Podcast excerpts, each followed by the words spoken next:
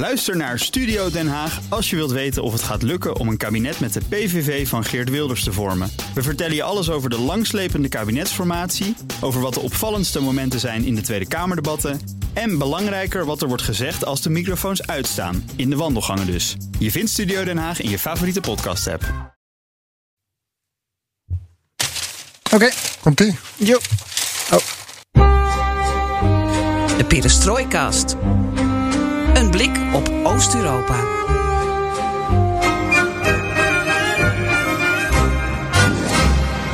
Welkom bij BNR Perestrooikast, aflevering 101 van de enige podcast van Nederland die volledig oog voor het oosten heeft. En geeft aflevering 100, Geert-Jan, laat me nog niet los, ik heb ervan genoten. Een aanrader van wie hem nog niet heeft geluisterd. Ik ga niet verklappen waarover het gaat. Um, deze aflevering hebben we het over Centraal-Azië en de opmars van het Taliban in Afghanistan. Gaan we helemaal naar de rand van onze regio, ja. hoewel Vladivostok is nog een heel eind verder natuurlijk.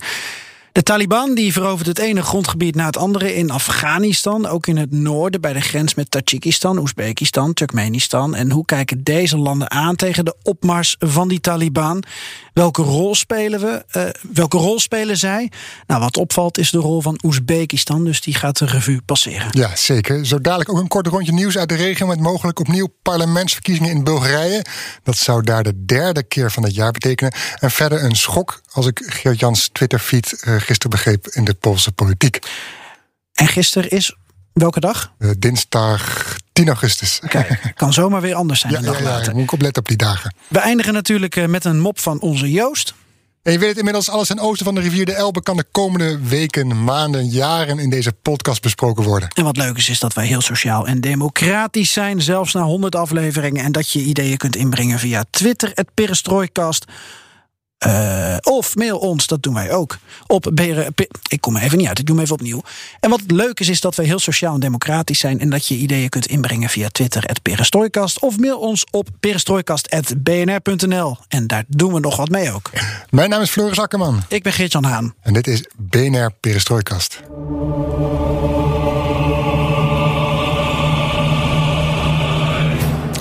Je hoort het misschien al vlak voor ons intro. Wat geritsel van kranten. Geert-Jan zit hier met Oostenrijkse kranten voor zijn neus. Ja. Um, hij was afgelopen week uh, op een trip in uh, Oostenrijk. En ik vroeg me eigenlijk in eerste instantie af... het Habsburgse Rijk, Oostenrijk, Hongarije... met tentakels in Oekraïne en Slovenië. Zie je daar nog wat van terug, uh, van die band met die regio? Of wil je het liever over iets anders hebben? Ik kan het over een heleboel dingen met je hebben. Ja, dat geloof ik graag. Je hoort het op straat. Het scheelt natuurlijk dat ik was een paar dagen in Wenen. Uh, dat het massatoerisme Wenen nog niet helemaal weer heeft bereikt. Dus je hebt weinig, relatief weinig groepen Aziaten om je heen. En je hoort natuurlijk veel Europese talen. En dat is omdat er natuurlijk andere toeristen zijn. Maar ook omdat Wenen en Oostenrijk, dat is echt een plek waar. Dat is Centraal-Europa, daar komt uh -huh. alles samen. En daar wonen en werken zo ongelooflijk veel mensen die hun wortels hebben elders in Centraal-Europa, Zuidoost-Europa, Oost-Europa. Inderdaad, het Habsburgse Rijk. En toevallig deze week ook een uh, gesprek dat ik heb met Caroline de Gruiter, uh, die het boek Beter wordt het niet -huh. heeft geschreven. Uh, een reis door het Habsburgse Rijk en de Europese Unie. Nou, dat gesprek kun je beluisteren in de Europa-podcast. Ik maak er maar even reclame jongen, voor. Jongen, jongen, goedkope manier, maar ze heeft dus ook een, een kaart hè, aan de binnenkant van het boek. -huh. Het Habsburgse Rijk rond 1900. En dan zie je daar zoveel landen en talen en grenzen. -huh, dat is de helft van de Europese Unie. Als je kijkt naar verschillende talen, uh, nationaliteiten, daar Mhm. komt alles in samen natuurlijk. Ik geloof ongeveer 10 of 11 talen die nu ook officieel uh, onderdeel zijn van de Europese Unie. Alleen Oekraïens dan denk ik niet en Servisch niet. Hoewel Servo-Kroatisch natuurlijk wel weer een, een variant Mhm. is. Ja, en, en dat hoor je dus vooral. En dat hoor je ook in de verhalen. En het is echt een, een scharnierpunt. En je ziet het in de kranten, hè? Ja, Want daar is er meer naartoe. aandacht uh, voor die regio? Ja, kijk. Uh, hoe, hoe zie je het terug in de kranten? Nou, niet, per se uh, het Habsburgse Rijk. Kijk, het is natuurlijk. Ik, ik heb in Wenen niet deze keer alles rondom Sisi en Schönbrunn en uh, Grandeur bekeken. Nee, daarvoor moet je in Zandvoort zijn voor uh, Sisi. Ga verder. Wat is daar? Ja, die is daar geweest. S welke? Ja, die Egyptische. Keizerin Sisi. Keizerin Sisi is ja, in Zandvoort geweest. Ja, ja. Daarom vertel me alles daarvan. Mijn waarde Floris. Komt nog wel eens een standbeeld van haar. Ze bezocht Zandvoort als ze hier werd behandeld voor al haar reuma. En was ze eerst in Amsterdam en dan ging ze met de trein of wat dan ook eh, naar Zandvoort. En dan bleef ze een paar dagen en dan ging ze kilometers lang wandelen, paardrijden. En uh, ja, dat was voor haar een soort, soort uh, kuuroord. Ging ze ook, een, vi- ook een visje halen? Uh, vast wel, ja. ja. Maar goed, even terug naar het hoofdonderwerp. Uh, ja, kijk, wat je dan tegenkomt in de Oostenrijkse kranten, uh, en dat vind ik heel interessant, is allereerst, want daar gaan we het straks over hebben, Afghanistan. Heel veel Afghanistan. Mm -hmm. Dat thema dat speelt daar eigenlijk al langer dan in de Nederlandse media. Dus de kranten van afgelopen weekend, zaterdag, zondag, maandag, allemaal voorpagina Afghanistan vol met commentaren. Maar ook kwam ik uh, interviews tegen, bijvoorbeeld met de Russische ambassadeur in Oostenrijk. Mhm, -hmm. uh, een oude KGB-vriend ook van Poetin. Mhm. Dat zal je niet verbazen. En hier die presse am Sonntag. Dan eerst hè, voor pagina Afghanistan. Ja. Abschieben bis zur Schmerzgrenze. Dat gaat natuurlijk over de asielstop, wel of niet. Waar ja, Oostenrijk... Oostenrijk is natuurlijk in de frontlinie bedoel je dan. Vandaar die extra aandacht. In de frontlinie? Ja, het is natuurlijk wel een land dat, dat uh, als die vluchtelingen komen van die kant het eerst opvangt. Ja, maar frontlinie vind ik weer ja, zo, misschien zo ongelukkig zo gekozen. Term. Wil je al die arme mensen weer wegzetten? Dat zeg ik niet. Nee, maar dat maar het is wel, weer dus, met het woord frontlinie. Oh, nou, neem het kwalijk voor iedereen. Ja. Goed zo. Die vluchtelingen een warm hart toedragen. Zullen we het maar hebben over pagina 4? Want, oké, okay, nou, Afghanistan gaan we het over hebben. En dan pak ik zowel even die, die, die sfeer erin mee. Hier, pagina 4. Ik vind mm -hmm. dit nog steeds de foto van het jaar. Met, met de tekst: Das brutale Ende des Sommers van Belarus. Mm -hmm. Ja, en dit is de foto van Poetin en Lukashenko samen op een jacht in de Zwarte Zee. Foto ja, van een beroemde... paar weken geleden, ja, waarbij ja, ze echt een shoot hadden. Waarbij ze Leonardo DiCaprio en Kate Winslet overtroffen. Qua uh, romantiek. En, um, het spat er vanaf. Een enorme uh, analyse weer over uh, ja, Belarus, Wit-Rusland. En daarnaast op pagina 5 ook weer een interview um, over de buitenlandpolitiek van Oostenrijk met betrekking tot Belarus. Zie ja. Polen daar staan nog? Achterkant. Oh ja, pagina 8. Dat gaat dan weer over Kaczynski en Pies. Die dan ten strijde trekken tegen de rechtsstaat. Maar goed, dat is op zich een bericht dat ook nog wel in de Nederlandse kranten belandt. Mhm. -huh. Maar je merkt gewoon aan alles dat in Oostenrijk alles op de agenda staat. Alles wordt besproken. Uh, dat het echt het midden, het hart van Europa is. En dat is voor onze regio ook heel interessant om, uh, om verder te analyseren. En daarom kan ik op zich dat boek van Caroline de Guiter ook wel aanraden. Omdat je dan ook doorhebt. Oostenrijk was de aanvoerder van het Habsburgse Rijk. Mhm. Maar alle andere leden, uh, op een beetje Triest na, zitten in onze regio. In de regio van de perestrooikast. En ja, het is een aflevering waard eigenlijk. De rol van Oostenrijk nu nog in Oost- en Centraal-Europa.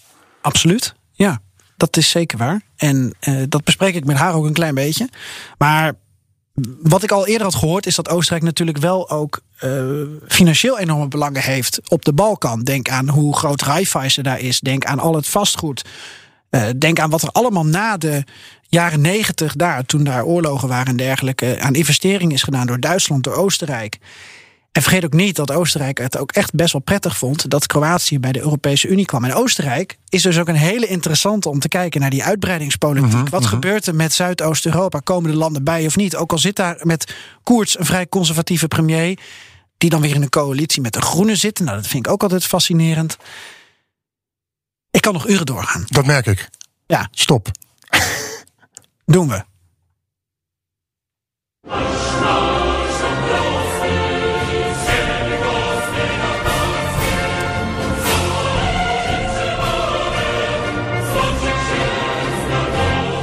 Helemaal niks gezegd over dat interview met die ambassadeur verder, hè? Wat erin stond. Nee. Er werd hem nog gevraagd of hij een voorkeur had voor schnitzel of tafelspits. Voor Stream 2 of voor Hoesbach? nee. Nou goed, ik zal uh, dat interview. Ik heb er wat uh, fotootjes van gemaakt en op mijn Twitterpagina ah, okay, okay. gezet. Ed Geert-Jan Haan voor de fans. Ja. Uh, dit was Polen, denk ik. Dit hè, wat ik hoorde. Ja, dit, ja, dit was alleen niet de, de amazing versie. De? De amazing versie. Die we twee afleveringen geleden nee, in klopt, het gesprek klopt, met klopt. Gusch hoorden. Ja, ja, ja, had ik, ja ik, ik heb gefaald. Dit is even neutraal. Ja, dat is gefaald. Wat gaan we doen met Polen? Ja, uh, wat gaan we doen? Ik heb voor jou een mooie tekst ges geschreven. Ja, jij wil het hebben over de Poolse politiek. Ja, ik zag, ik, wat ik, nogmaals, ik zag, uh, ik zag op jouw Twitterfeed uh, en ook van Michiel van Blommestein van alles gebeuren in, in, Polen. Ja, Michiel is de grote Polenkenner. Ja, daarom is alle eer naar hem, want hij, hij voedde ja. mij. Ja. Ehm, ja, wat is daar aan de hand deze week? Van alles. Ja. En op het moment van opnemen uh, zou het zomaar kunnen dat de actualiteit ons heeft achterhaald. Maar wat er speelt is dat je hebt er een regering waarbij PiS natuurlijk de grootste partij is. En PiS werkt samen met een coalitiepartner en nog een kleinere coalitiepartner.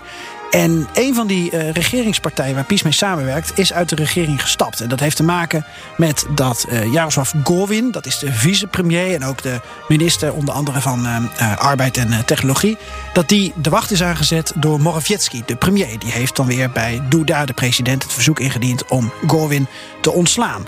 Dat zal allemaal wel weer uit de koker van Kaczynski zijn gekomen. Mm, en dat ja, heeft te maken met dat die coalitiepartner uh, Porozumienie... die ligt al eigenlijk sinds vorig jaar mei niet lekker bij PiS. Die hebben mot met elkaar, uh, speelt allerlei, uh, spelen allerlei zaken mee. Ook de nasleep van corona. Maar ja, het is heel interessant wat er nu dan gebeurt. Want de regering verliest dus haar meerderheid. Er komt dus een minderheidsregering...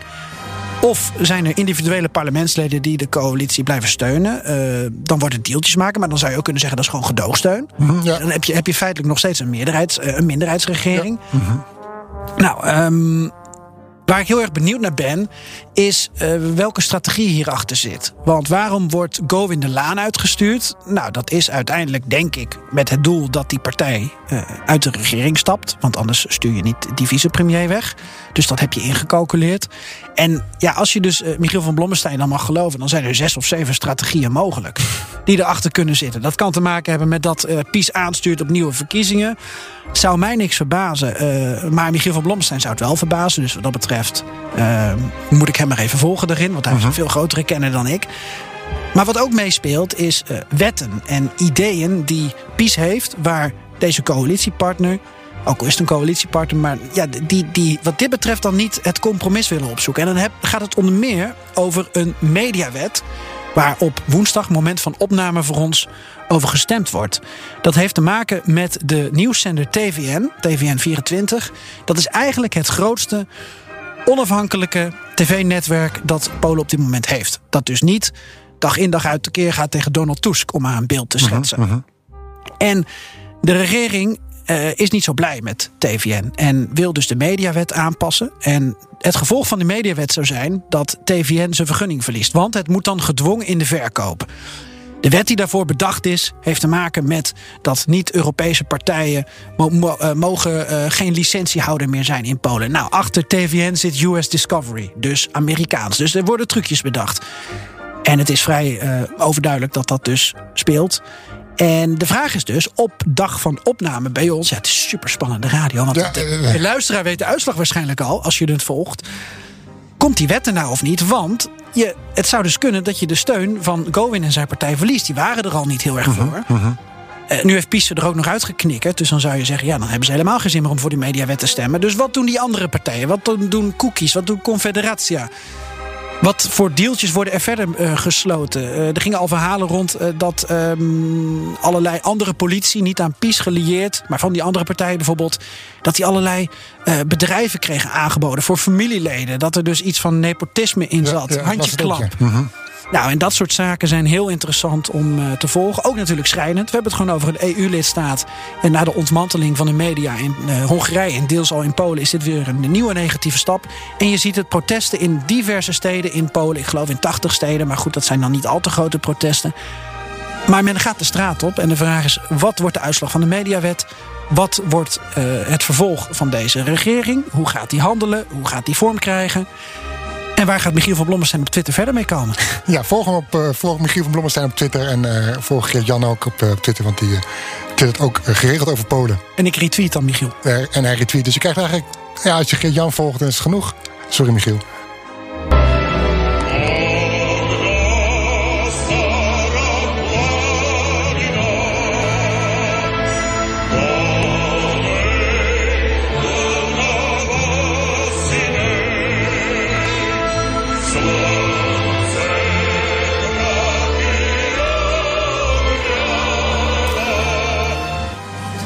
Bijna oud-Slavische gezang. Mooi toch? Je ziet hem uit volle borst staan. Ja, ik zie hem al staan in zo'n orthodoxe kerk. Ja. Bulgarije was dit volkslied. Vertel. Eh, Polen is een vaste klant bij ons als onderwerp. Wit-Rusland ook natuurlijk. Poetin, zijn naam is al gevallen geloof ik uh, vandaag. Ja. Uh, maar Bulgarije ja, begint zich hierin te mengen. En terecht. Uh, ja, zeker. We hebben het al een keer over gehad in de podcast. een paar keer zelfs. Onder andere aflevering 90. En het land is eigenlijk momenteel op weg naar de derde parlementsverkiezingen in één jaar. Is dat een record? Ja, dat weet ik niet. Maar we kunnen. Ja, het is toch. Ik denk dat je als land daar toch wel mee voor de dag kan komen. Maar vertel, want uh, verkiezing 1 was dus. Uh, met een uitslag, maar zonder eindresultaat, zonder formatie. Ja, ja. En dat is dus bij verkiezing 2 ook het geval. Ja, na de tweede verkiezingen is het dus ook hè, de, de, de anti-establishment partij ITN van hè, popstar, eh, popster Slavik Trivanov won vorige maand die verkiezingen. Waarmee tegelijkertijd een einde kwam aan het, aan het tijdperk van de kerkpartij van oud-premier premier Boyko Borisov. Um, de grote vraag was toen, na die uh, tweede parlementsverkiezingen, lukte Trivanov om een coalitie te vormen. Dat is in het gepolariseerde Bulgarije geen appeltje, peertje, eitje. Bij de vorige verkiezingen, zoals Geert-Jan het al zei... in april dit jaar liepen de onderhandelingen spaak... waardoor uiteindelijk dus een tweede nieuwe parlementsverkiezingen werden uitgeschreven. Trivanov probeerde dit keer met een minderheidscoalitie, omdat een meerderheidscoalitie niet mogelijk, ja, mogelijk bleek. Hij wilde gewoon alleen maar met zijn eigen partij. Ja, en had nog wat, wat andere partijen die moesten maar meestemmen met uh, bepaalde ministersposten en ministersbeslissingen. Beetje zoals PiS uh, Ja, maar uiteindelijk die partij die hij nodig had om toch die, die ministersposten, die benoemingen daaromheen uh, doorheen te krijgen, die gingen dwars liggen. Dus toen heeft vervolgens Trivan nog gezegd: ja, zonder de steun van deze partijen komen, komt er geen regering van onze kant. En wat je nu hebt, is dat we, dat hebben we al eerder gezien, volgens de grondwet zullen er twee, nog twee pogingen worden gedaan om een nieuwe regering te vormen door andere partijen. Dus Trivanov en zijn uh, partij staan even aan een zijlijn. Um, ja, je kunt je afvragen waarom het nu wel zou lukken als het de vorige keer allemaal niet lukt. Dus... De stemverhouding is toch veranderd? Ja, Mensen hebben toch als... anders gestemd, dus de zetelverhouding is toch anders? Dan heb je toch uh, andere combinaties misschien mogelijk om tot een regering te komen? Dat zou kunnen, maar dan moeten ze de, twee, de kleine partijen waarmee Trivanov samen wilde werken, die wilden niks, willen niks te maken met de GERB-partij van Borisov. Dus daar heb je alweer een botsing. Ja. Nou, dan hebben ze Trivanov en die kleine partijen. Die, Ook niet? Die, die, die, liggen niet echt lekker mee met elkaar natuurlijk sinds deze uh, affaire. Dus, dus dan ja, moet, waar, moet alle, alles moet met elkaar willen. Waar, kun je, waar vind je nog een coalitie? Nou, in Nederland. Nou ja, dat is ook maar de vraag. dus dan zou je zeggen, ja, opnieuw naar de stembus zoals die twee pogingen niet lukken. Maar dan vraag je je af, wat komt daar dan weer uit? Waardoor ze uiteindelijk wel een, een, een coalitie zouden Nou kunnen ja, vormen. Stemverhouding. Dat zou kunnen, Ik denk ja. ook dat Trifonov misschien wel aanstuurt op uh, de, nog meer ja. zetels. Nadat hij dus ziet dat hij Borisov kan verslaan. En ook, ja, als ik dan volg bijvoorbeeld hoe het staat in Bulgarije met dat vaccineren. Nou, dat is dramatisch. Uh, het, de kritiek op uh, het coronabeleid van Borisov is ook uh, niet te harde. Nee, dus, dus misschien. Ik vraag me ook, in Nederland geldt de regel wie breekt betaalt. Misschien geldt het ook in Bulgarije. En even Trivanov het nakijken.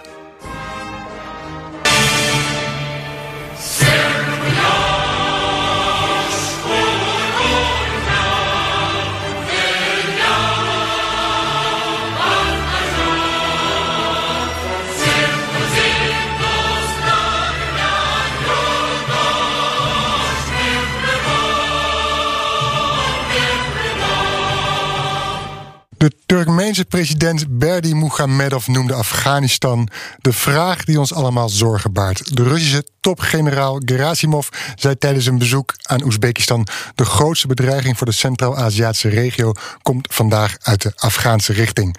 Na de terugtrekking van de Amerikanen in Afghanistan rukken de Taliban op. Aangrenzende, aangrenzende landen als Tajikistan, Oezbekistan en Turkmenistan kijken met argusogen wat daar gebeurt. En Rusland natuurlijk ook. En de laatste stand van zaken op het slagveld. En dan concentreren we ons op de grensgebieden met Tajikistan, Oezbekistan en Turkmenistan. Slagveld is wel uh, uh, even figuurlijk uh, de Ja, term. mhm. Voor alle drie de landen geldt dat vrijwel de hele grensstrook in handen is van de Taliban. In de gebieden waar dat nog niet het geval is, wordt gevochten. En kijken we naar de opmars van de Taliban, dan moet je niet raar opkijken als de Taliban alle grensgebieden met Tajikistan, Oezbekistan en Turkmenistan in handen krijgt. Ook al is dat dus het geval.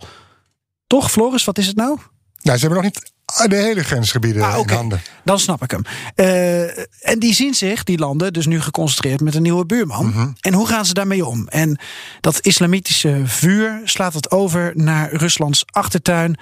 Hoe zit het met die opvallende rol van Oezbekistan? We gaan het bespreken met Misha Kemper, hoogleraar Oost-Europese studies aan de Universiteit van Amsterdam. Eh, zijn onderzoeksfocus ligt op de islam in Rusland, Centraal-Azië en de Caucasus. En we hebben te maken met een kleine vertraging. eh, want Floris, waar zit meneer Kemper? Die zit eh, in de Spaanse Pyreneeën op een weiland tussen.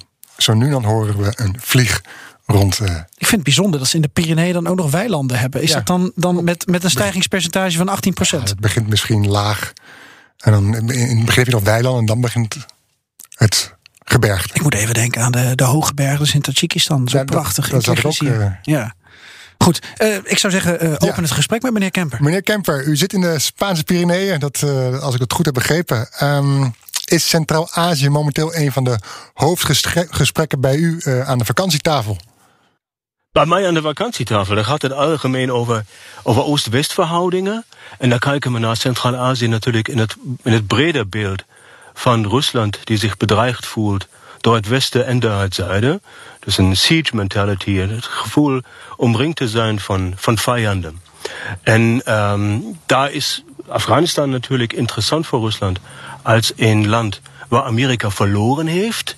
Waar nu een vreselijke situatie ontstaat door het vertrek van de Amerikanen. En die Amerikanen blijkbaar heel- helemaal niet meer geïnteresseerd zijn in wat er nog gebeurt. Het helemaal aan Rusland overlaten. Dus aan de ene kant is het voor Rusland een zege. Ze hebben, een, ze hebben gewonnen. Eh, tegelijkertijd krijgen zij nu al die problemen op hun tafel die Amerika tot nu toe gehad heeft. Ja. Met ons natuurlijk daarbij als NAVO-partners.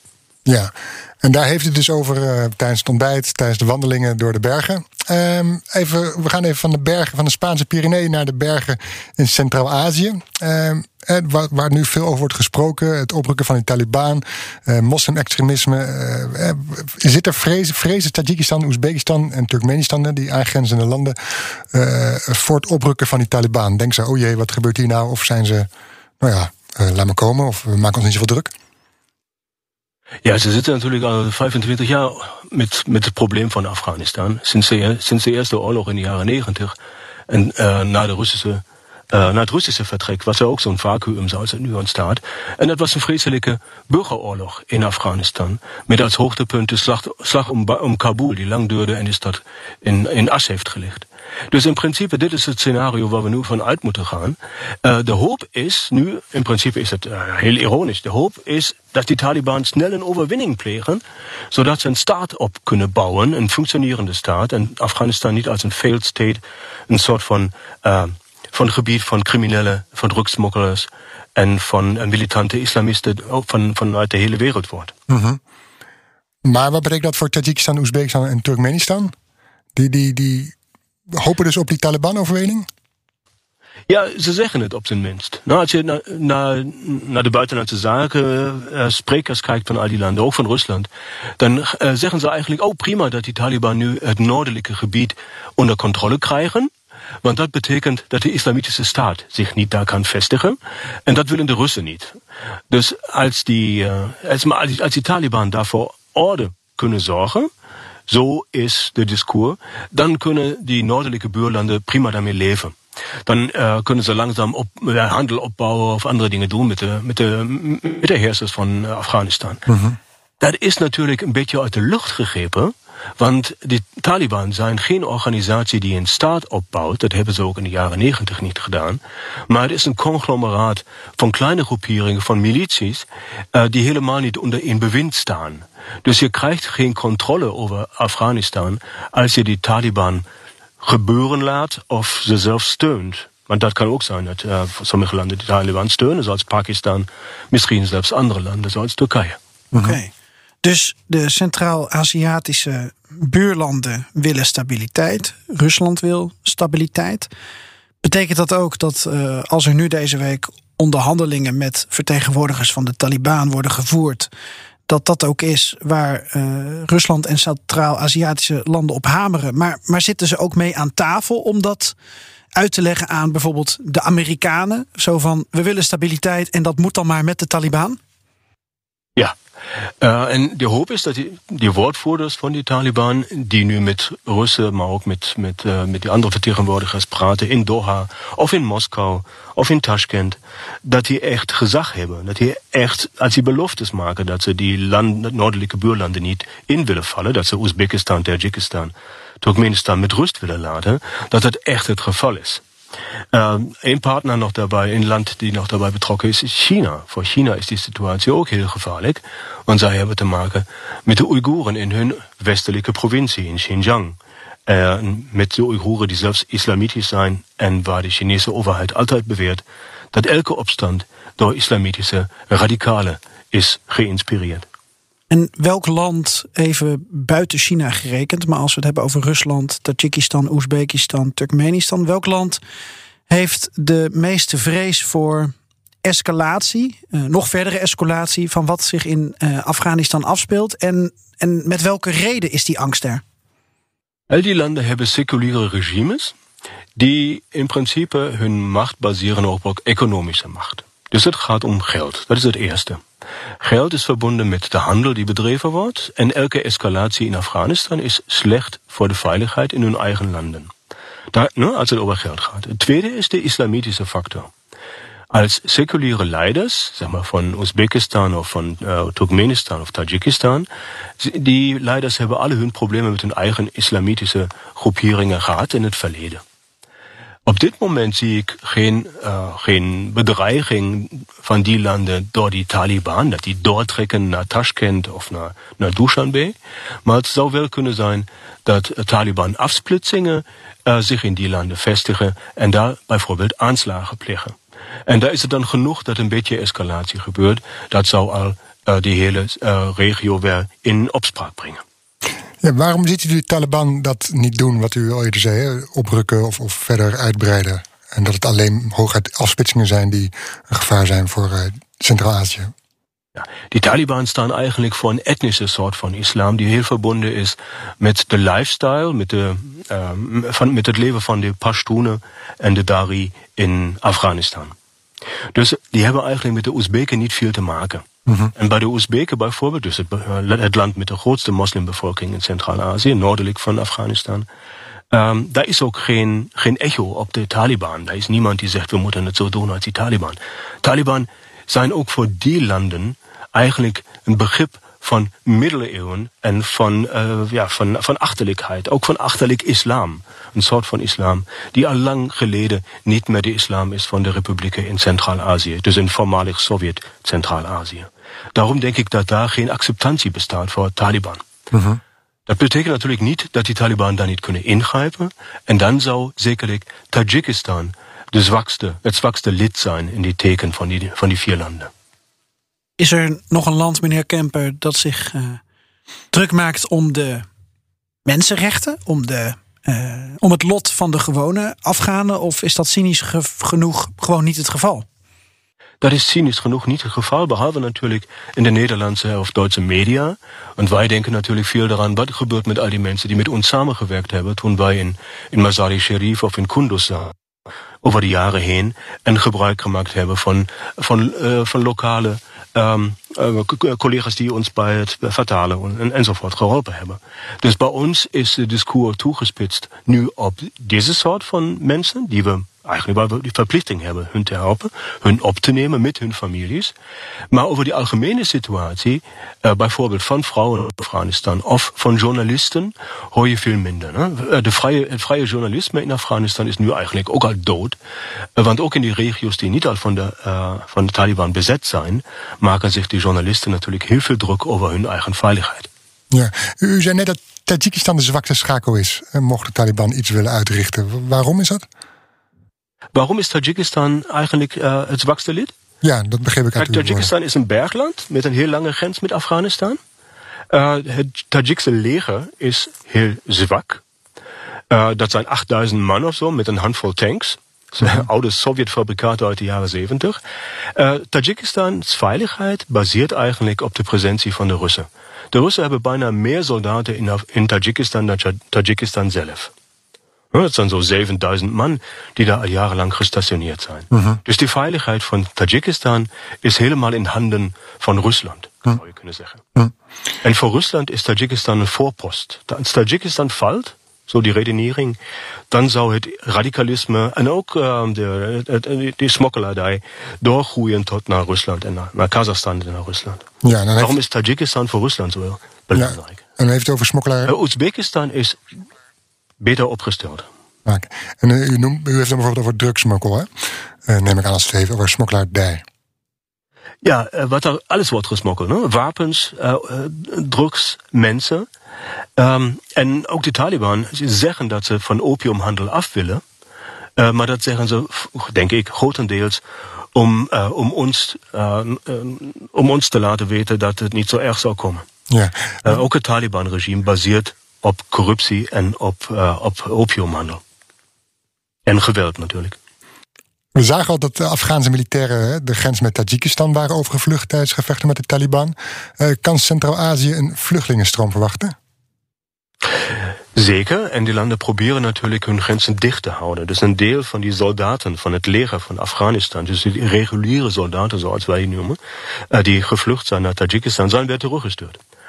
Um, in het noorden van Afghanistan leven Kyrgyzen, Tajiken, Oezbeken. Dus in principe dezelfde natie die je ook in Oezbekistan, Tajikistan, Turkmenistan enzovoort hebt. En die zouden natuurlijk makkelijk de grens oversteken naar hun buurland.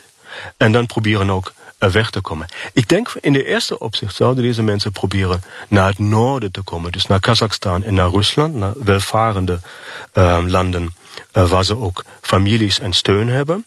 Maar er is natuurlijk ook druk op ons om meer vluchtelingen op te nemen als die crisis daar verder escaleert. Ja. In welk land in Centraal-Azië of in Rusland uh, zitten momenteel eigenlijk überhaupt al de meeste Afghanen, misschien ook uh, economische migranten? Heeft u daar zicht op?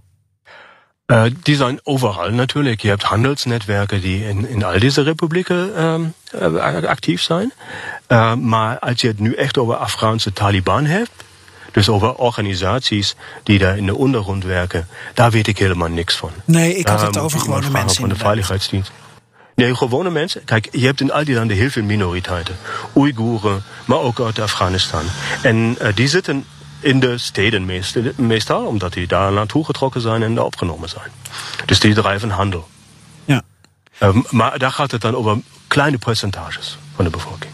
Nu is er veel aandacht voor Afghanistan in de Nederlandse media, in de Europese media. Maar dan is er vooral discussie uh, in Nederland, in Duitsland, in Oostenrijk over wat doen we met de uh, Afghanen die nu op de vlucht slaan? Die via misschien ook Iran en Turkije dan naar de rest van Europa komen. Uh, gaan we met z'n allen een vluchtelingenstop afspreken? Dus dat we Afghanen uh, die in Nederland bijvoorbeeld zijn voorlopig niet terugsturen naar Afghanistan. Omdat dat een gevaarlijk land is, een land in oorlog. Eigenlijk hebben wij dus vanuit, vanuit Nederland, vanuit West-Europa, uh, vrij weinig zicht op, op de rol van de Centraal-Aziatische landen, op de rol van de Russen. Terwijl u eigenlijk aangeeft dat die landen, dat zijn natuurlijk buurlanden ten eerste, maar daarnaast hebben ze dus ook een heel ander belang. U heeft het dus over stabiliteit, u heeft het over de dreiging van um, uh, extremistische islam. Dat is toch wel een hele andere discussie dan die wij, want u heeft uh, Duitse wortels volgens mij, die wij in Nederland en in Duitsland natuurlijk horen. Ik zeg, het is voor Nederlandse of Duitse politici natuurlijk heel moeilijk om te verkopen dat we nu de plicht hebben mensen op te nemen uit een land wat we twintig jaar geleden binnengevallen zijn en waar we rampzalig mee omgegaan zijn. Afghanistan is een graf, een graf van geld, een graf van veel mensenleven van onze soldaten, maar natuurlijk nog veel meer mensen zijn gedood over de afgelopen 20, 25 jaar in de inner-Afghaanse burgeroorlog, als je dat zo wil noemen. Dus natuurlijk, het enige wat we kunnen doen is uh, vluchtelingen helpen. We kunnen proberen het regime in Afghanistan nog te steunen, maar eigenlijk is nu de consensus dat dat mislukt is over de laatste 20 jaar. Dus wat ons dan blijft is ja, gewoon in onszelf te gaan en te zeggen: jongens, zo'n avontuur, avontuur als we die gedaan hebben in 2001, namelijk een land binnenvallen om Osama bin Laden te bestraffen en, en te vangen, wat dan niet gelukt is daar. Um, dat is een fout die wij gemaakt hebben en waar in principe de Afghaanse bevolking die rekening voor heeft betaald. en nu nog betaalt. Ja. Zowel West-Europa als Rusland en Centraal-Azië. Die landen zijn allemaal bezig met dus andere zaken dan met de mensenrechten, dan met de, de mensen die op de vlucht slaan en wat we voor hen kunnen doen. Is er één land in Europa, wellicht in Centraal-Europa of Oost-Europa, dat zich iets schappelijker of menselijker opstelt? Of is iedereen bang voor het frame van uh, dat er met die vluchtelingen mogelijk ook uh, uh, Taliban meekomen naar, naar het land? Ik heb niet gehoord dat er één land een andere positie voor zou hebben gekozen. Weet u dat beter dan ik? Nee, uh, Zweden geloof ik. Maar uh, dat is uh, geen, uh, geen, geen Centraal- of Oost-Europa. ja. ja, het is helaas het, het discours. Um, Floris, jij was ook wel benieuwd nog naar de um, handels- en economische banden, denk ik. Hè? En of de consequenties er, er zijn voor de, voor de Centraal-Aziatische landen? Ja, als je je grensregio gaat opeens, valt opeens in andere handen. Uh, waar normaal gesproken mee handel draait, waar je doorheen uh, uh, je, je transportlogistiek vervoert. Um, hoe zit dat nu nog? hoe gaat dat verder? Is, blijft, er, blijft iets van die economische en handelsbanden bestaan als, als de Taliban daar die grensgebieden in handen heeft, meneer Kemper? Ja, dat hangt ervan af of die Taliban in staat en willens zijn om veiligheid op hun eigen territorium te creëren en zich ook aan de afspraken houden, namelijk niet naar de andere landen en niet andere landen lastig te vallen. Als dat het geval is, zou het natuurlijk mogelijk zijn die plannen weer op te nemen. Bijvoorbeeld ähm, äh, die, die infrastructuur Nord, die Nord-Zuid-lijn, zo te zeggen, uh, verder te, uh, uit te bouwen, zodat je een verbinding krijgt met de Indische Oceaan. Mhm. Maar zoals ik al zei, ik ben daar heel sceptisch. Ik denk niet dat die Taliban in staat en ook niet willen zijn om uh, dit te, te doen. Want handel is voor hun niet belangrijk. Mhm. Voor die noordelijke staten, dus voor die staten van voormalig Sovjet-Centraal-Azië, gaan die handelsroutes sowieso vanuit China. Dus die gaan naar oosten en dan naar noorden naar Rusland. Die gaan niet uh, door, uh, door Afghanistan. Nee, nee. Dus in principe, als je nu denkt dat er zoiets als een, een ijzeren gordijn zou komen, hm? als die grens dicht is, dan is dat eigenlijk voor die noordelijke landen geen groot probleem. Die kunnen dat opvangen door uh, meer handel uh, met, uh, met de hele wereld via Rusland of via China. Ze zijn sowieso heel sterk afhankelijk van, van investities en van handel met China. Rusland doet altijd veel voor de veiligheid van die landen en is daarom onmisbaar voor landen als Tajikistan. Uh, en China is nu lang al onmisbaar uh, in, het, in, de economie, in de economie van al die landen. Mm -hmm. ja. En China heeft natuurlijk een belang dat die handelsroute die van oost naar west gaan, dus van China naar Centraal-Azië, dat die niet in het geding komen en dat die veilig blijven. En daar blijft eigenlijk die ene vraag over, in hoeverre gaat China zichzelf engageren in die landen, als Rusland op een gegeven moment daarom vraagt of niet in staat is. Ja. Uh, onlangs kwamen die, die vijf Centraal-Aziatische landen bij elkaar. Uh, Kyrgyzije, Tajikistan, Oezbekistan, Turkmenistan en ook Kazachstan voor een top. Uh, ik begreep dat China, Rusland en de VS daar niet aanwezig waren. trekken deze vijf landen echt nu met elkaar op en hebben ze een, gezamenlijk plan? Dat is een goede vraag. Dit is op initiatief van de Oezbeekse president, die nu al een paar jaar aan de macht is, en die de isolatiekurs van zijn voorganger, van Niyazov, opgegeven heeft. Dus de, nieuwe, uh, nieuwe president van Oezbekistan zegt, Oezbekistan is het grootste land, bevolkingsgrootste land van Centraal-Azië en de grootste economische macht. En hij probeert dit tot een platform te maken om met die andere landen te coöpereren, zodat Oezbekistan als leider van de Centraal-Aziatische Republieken wordt geaccepteerd. Oezbekistan is niet onderdeel van de gemeenschappelijke veiligheidsorganisatie met Rusland en Kazachstan. Dat betekent dat ook qua defensie Oezbekistan een beetje afzijdig staat. En dat betekent natuurlijk dat als die vijf leiders van die Zentraal-Aziatische staten zonder China en Rusland bij elkaar komen, dat ze ook over veiligheidsvraagstukken praten die parallel lopen aan die door Rusland gecontroleerde veiligheidsorganisatie. Mhm. En dat is voor Rusland niet zo mooi om te zien. Maar tegelijkertijd hebben ze natuurlijk Oezbekistan ook heel nodig uh, in, die, ja, in, in, die, uh, in het beleid met Afghanistan. Maar ook om Tajikistan, dus hun eigen voorpost in Centraal-Azië, uit de bedroeien te helpen. Want Tajikistan werd jarenlang door Oezbekistan geblokkeerd. Dat lijkt nu op te wijken en dat is heel goed voor Tajikistan, maar ook voor Rusland. Ja, en hebben ze een gezamenlijk plan, die vijf? Moet, eh, gaan ze gezamenlijk de grenzen uh, versterken? Hebben ze, uh, ja, hebben ze een plan om, om, om tijdperk in de tijd met de Taliban, als hij dat komt, hebben ze daar een idee bij hoe ze dat gaan invullen? Ja, ze zeggen natuurlijk alle dat ze hun troepen nu aan de grens versterken. Maar ze hebben natuurlijk niet zo grote armeeën. Al die landen hebben armeeën die erop gebouwd zijn hun eigen bevolking in de gaten te houden. Dus geen van die landen heeft een echt sterke armee. Dat is het ene. Geen van die landen heeft, behalve Tajikistan misschien, echt ervaring in de strijd tegen terroristische organisaties zoals de Taliban of de Islamitische Staat. Dus ze zijn en blijven afhankelijk van Rusland en je ziet het nu aan de grens met, tussen Tajikistan en, en uh, Afghanistan. Zijn uh, oefeningen nu aan het gaande uh, met Russische strijdkrachten en Oezbeekse en Tajikse. Dus eigenlijk blijft die defensieorganisatie van die grens, van de grensstreeks, toch wel sterk in de handen van Rusland. En het nieuwe daarbij is dat Oezbekistan daar meedoet. Niet binnen het kader van die veiligheidsorganisatie die door Rusland gecontroleerd is, maar wel uh, meedoet om uh, zelf daarvan te profiteren dat Rusland die grens met Tajikistan versterkt. Ja, en de dominante partijen in dit hele Afghanistan-Taliban-verhaal, dat zijn dus Rusland, China, Verenigde Staten en de vijf stamlanden, de Centraal-Aziatische landen. Heeft u zicht op of er nog enig overleg ook is met uh, de EU of de, de rest van Europa? Of is dit eigenlijk dus op Amerika na een hele regionale aangelegenheid? Het is een regionale aangelegenheid en als je nummer 1 uitzoomt, dan zou je zeggen dat het misschien helemaal niet zo slecht is als die regionale spelers, dus Oezbekistan bijvoorbeeld, maar ook Kazachstan en Tajikistan, uh, daar die dingen zelf in de hand nemen. We, de EU heeft er sowieso niet veel te zeggen. Uh, de EU kan met, met geld en met ontwikkelingsprojecten te hulp schieten, maar we kunnen natuurlijk niet voor veiligheid zorgen. NAVO is in die landen niet graag gezien.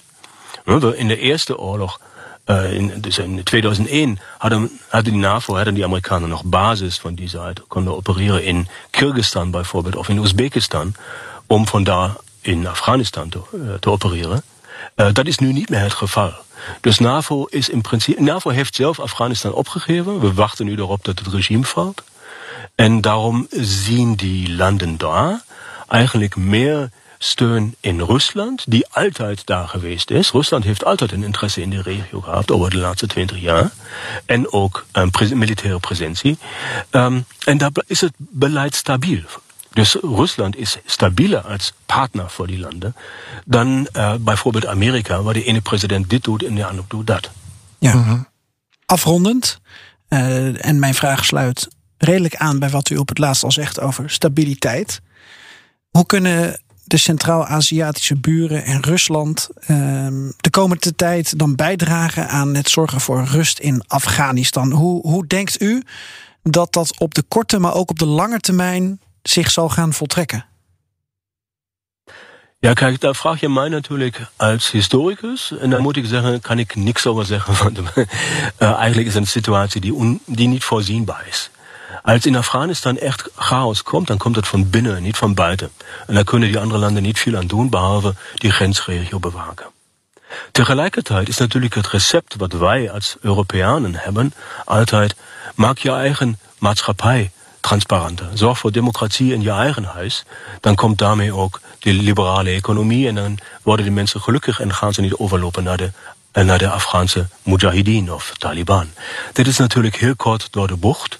Maar in principe is het recept van de globale players, van de globale acteuren altijd geweest. Je moet voor economische vooruitgang zorgen. Dan krijg je minder last van islamisme die, die gebaseerd is op ontevredenheid en frustratie met het, uh, met het falen van de economie. Ik zou zeggen, dit is één van die factoren. Een andere factor voor die landen is islam in te bouwen En dat hebben ze alle ook gedaan, van Bedi Mohamedov in Turkmenistan tot Rahman in Tajikistan. Dus ruimte te geven voor een soort van legale islam. Niet alles wat met islam te maken heeft te discrimineren of uh, te verbieden. En daar is uh, over de laatste jaren in het bijzonder in Tajikistan niet veel gebeurd. Rahman, die is de president van Tajikistan, heeft eigenlijk een beleid gevoerd dat die islamitische uh, partijen die met hem coöpereerden, um, gemarginaliseerd of gewoon in de, in de bak gestopt. Dus uh, eigenlijk gaat het daarom die, die voedingsbodem van militante islamisme niet te laten ontstaan door ruimte te geven aan islam. Aan een islam die eigenlijk gewoon een religie is en zich niet, niet, niet veel verschillen opwijst met andere religies in die regio. Oké. Okay. Um, dat is natuurlijk geen recept wat nieuw is en is ook niet, is geen, uh, geen garantie voor succes. Maar het gaat eigenlijk daarom die, vijandige, die, die beelden van vijanden af te bouwen. Om zo ervoor te zorgen dat mensen uh, minder geïsoleerd, minder gemarginaliseerd raken. Dank u wel. Ik hoorde nog, uh, nog een paar vliegen op de achtergrond, uh, meneer Kemper. Ja, dat zijn niet alleen vliegen. Hier zijn ook uh, vlinders en libellen die hier rondwaaien. Ehm, nou, als, als u een keer weer in Nederland bent, dan nodig u graag hier uit in de studio. Want ik vond het een prettig om naar u te luisteren. Um, zeer veel dank, Misha Kemper, hoogleraar Oost-Europese studies aan de Universiteit van Amsterdam. Vanuit een zeer vredelievende omgeving, zo te horen. We gaan naar onze eigen man met baard in Moskou. Ja, ons eigen. Ja. Jij volgt natuurlijk. wordt steeds langer, die baard. Coronabaard. Ik heb, ik heb misschien wel aspiraties. We hadden net de heer Kemper uh, in de uitzending over Centraal-Azië en de Taliban en Afghanistan. Maar nu begrijp ik dat jij eigenlijk de expert bent. Ja, uh, nou ja, ik heb mijn uh, scriptie geschreven over de ontwikkeling in de, uh, van de islam in Sovjet-Centraal-Azië na het uiteenvallen van de USSR.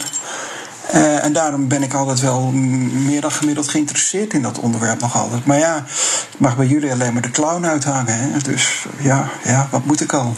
U merkt toch hier weer een kleine frustratie en een stoot onder de gordel. Hij heeft net de vorige aflevering, aflevering 100, heeft hij ongeveer alles kunnen zeggen wat hij in zijn kerfstok had. Ja, maar niet over de, de islam in Centraal-Azië. Nou, wat, wat, wil je daarover wat zeggen? Wil je zeggen? Nee, ik wil er helemaal niks over zeggen. Ik, ik uh, heb er alle vertrouwen in dat jullie dat uitstekend hebben behandeld. En ik brand van nieuwsgierigheid om de hele podcast uh, terug te gaan luisteren. Nou, misschien één vraag. Wordt er in de Russische ja. media veel over uh, geschreven, gesproken door politici? Jazeker, zeker. ik heb zelf twee stukken eraan gewijd. En, en twee verschillende Centraal-Azië-deskundigen gesproken. En het opvallende was dat zij. Um, eigenlijk opvallend optimistisch waren. En dat verbaasde me een beetje. Ze zeiden, nou, die Taliban, die, uh, die zijn er echt niet op uit om, om de rest van uh, de wereld te veroveren, of zelfs maar buurlanden. Ze willen geen wereldwijd kalifaat stichten. En bovendien ja, zijn ze ook niet meer dezelfde als 25 jaar geleden. Ze zijn pragmatischer geworden. Dat was hun beide opvatting. het en ze zeiden dus ook dat er eigenlijk in Rusland, in Moskou, helemaal nauwelijks uh, ongerustheid bestaat over de ontwikkelingen in Afghanistan. Toch vind ik dat eigenaardig, omdat je de afgelopen jaren, decennia zelfs, Rusland altijd troepen heeft geleverd aan Oezbekistan, aan Tajikistan, als het weer onrustig werd in Afghanistan. Met andere woorden, ze zijn er toch wel benauwd voor, lijkt mij. Had ons wel een half uur van de zendtijd bespaard als we dit gewoon met jou uh, ja. alleen hadden gedaan in deze twee minuten. Dit was de analyse van meneer Kemper. Nou ja, dan had je, had je zelfs 55 minuten ongeveer kunnen besparen waarschijnlijk. Ja, en de rest alleen maar moppen. Ja, uh, ja precies. 55 minuten aan moppen. Ja. Ik hoor de ja. hele tijd je telefoon gaan, uh, Joost. Dus je krijgt ongetwijfeld nu allerlei uh, tips door en, en moppen. Hier, daar gaat er weer. Wat zeg Ja, ik heb, ik heb mijn... Ik heb mijn uh, Russische omgeving gevraagd om moppen te sturen en ze blijven maar komen. Mm, dan zijn ze nu bijna te laat. Ja, maar ik heb er zelf eentje uitgekozen. Ah, dat doe je anders nooit. Oh. jawel, jawel. Daar wij, daar wij. Uh, ja, nou, uh, ik moet jullie wel waarschuwen van tevoren. Russen zijn uh, politiek niet zo correct. Hè? dat is bekend. daar, zijn ze niet mee, daar worden ze niet mee geboren, op zijn zachtst gezegd. Dus alle, alle verwensingen die jullie krijgen naar aanleiding van deze mop. ja, die schuif ik dan ook maar van me af. Want ik heb hem niet verzonnen. Het is een Russische mop. Dus dat even als, um, uh, hoe noem je dat? Um, disclaimer. Waarschuwing vooraf. Disclaimer, dat is het woord.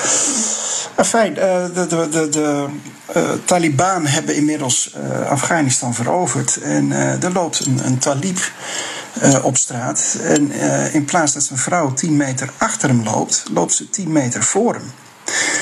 En een andere talib, die, eh, die, die is daar verbolgen over. En die komt naar hem toe en die zegt: Wat doe je nou? Dat, dat kan helemaal niet. de Koran schrijft voor dat vrouwen achter je moeten lopen en niet voor je. Ja, zegt die andere talib. Maar in de Koran staan ook geen landmijnen beschreven. Fout, hè? Ja. Wat een galgenhumor. Ja, ja. Ja. ja. Maar goed, zonder een, nou ja, lach, uh, zonder een lach op zijn tijd uh, vaart niemand wel. Ik hoop niet dat de MeToo-beweging uh, mij nu zal opknopen. Uh, maar goed, dan moeten ze me eerst maar komen halen. En in Rusland zit ik wat dat betreft wel veilig. Nog even je adres. Rusland. Nou, die, die grap van mij die viel ook weer heel slecht. Dus ik zeg nog even je adres. Mijn... Oh, mijn adres. Oh ja, ja, ja. Maar je komt er niet in, hè? grenzen zijn nog altijd gesloten. Wij hebben, wij hebben uh, ken je de lange arm van de perestrojkas dan niet? Oh ja, ja, ja. nou. De Tsjetsjeense vrienden.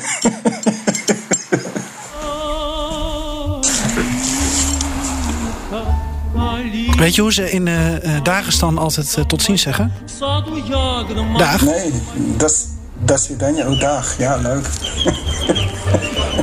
Ga je hem moppen vertellen nu? Ja, hij... Vind ik best hoor. Hij valt goed zo te horen. Hij is zo flauw dat hij bijna leuk wordt. Aito. Paka. Dat is de dingen. Sorry. Echt wel slecht.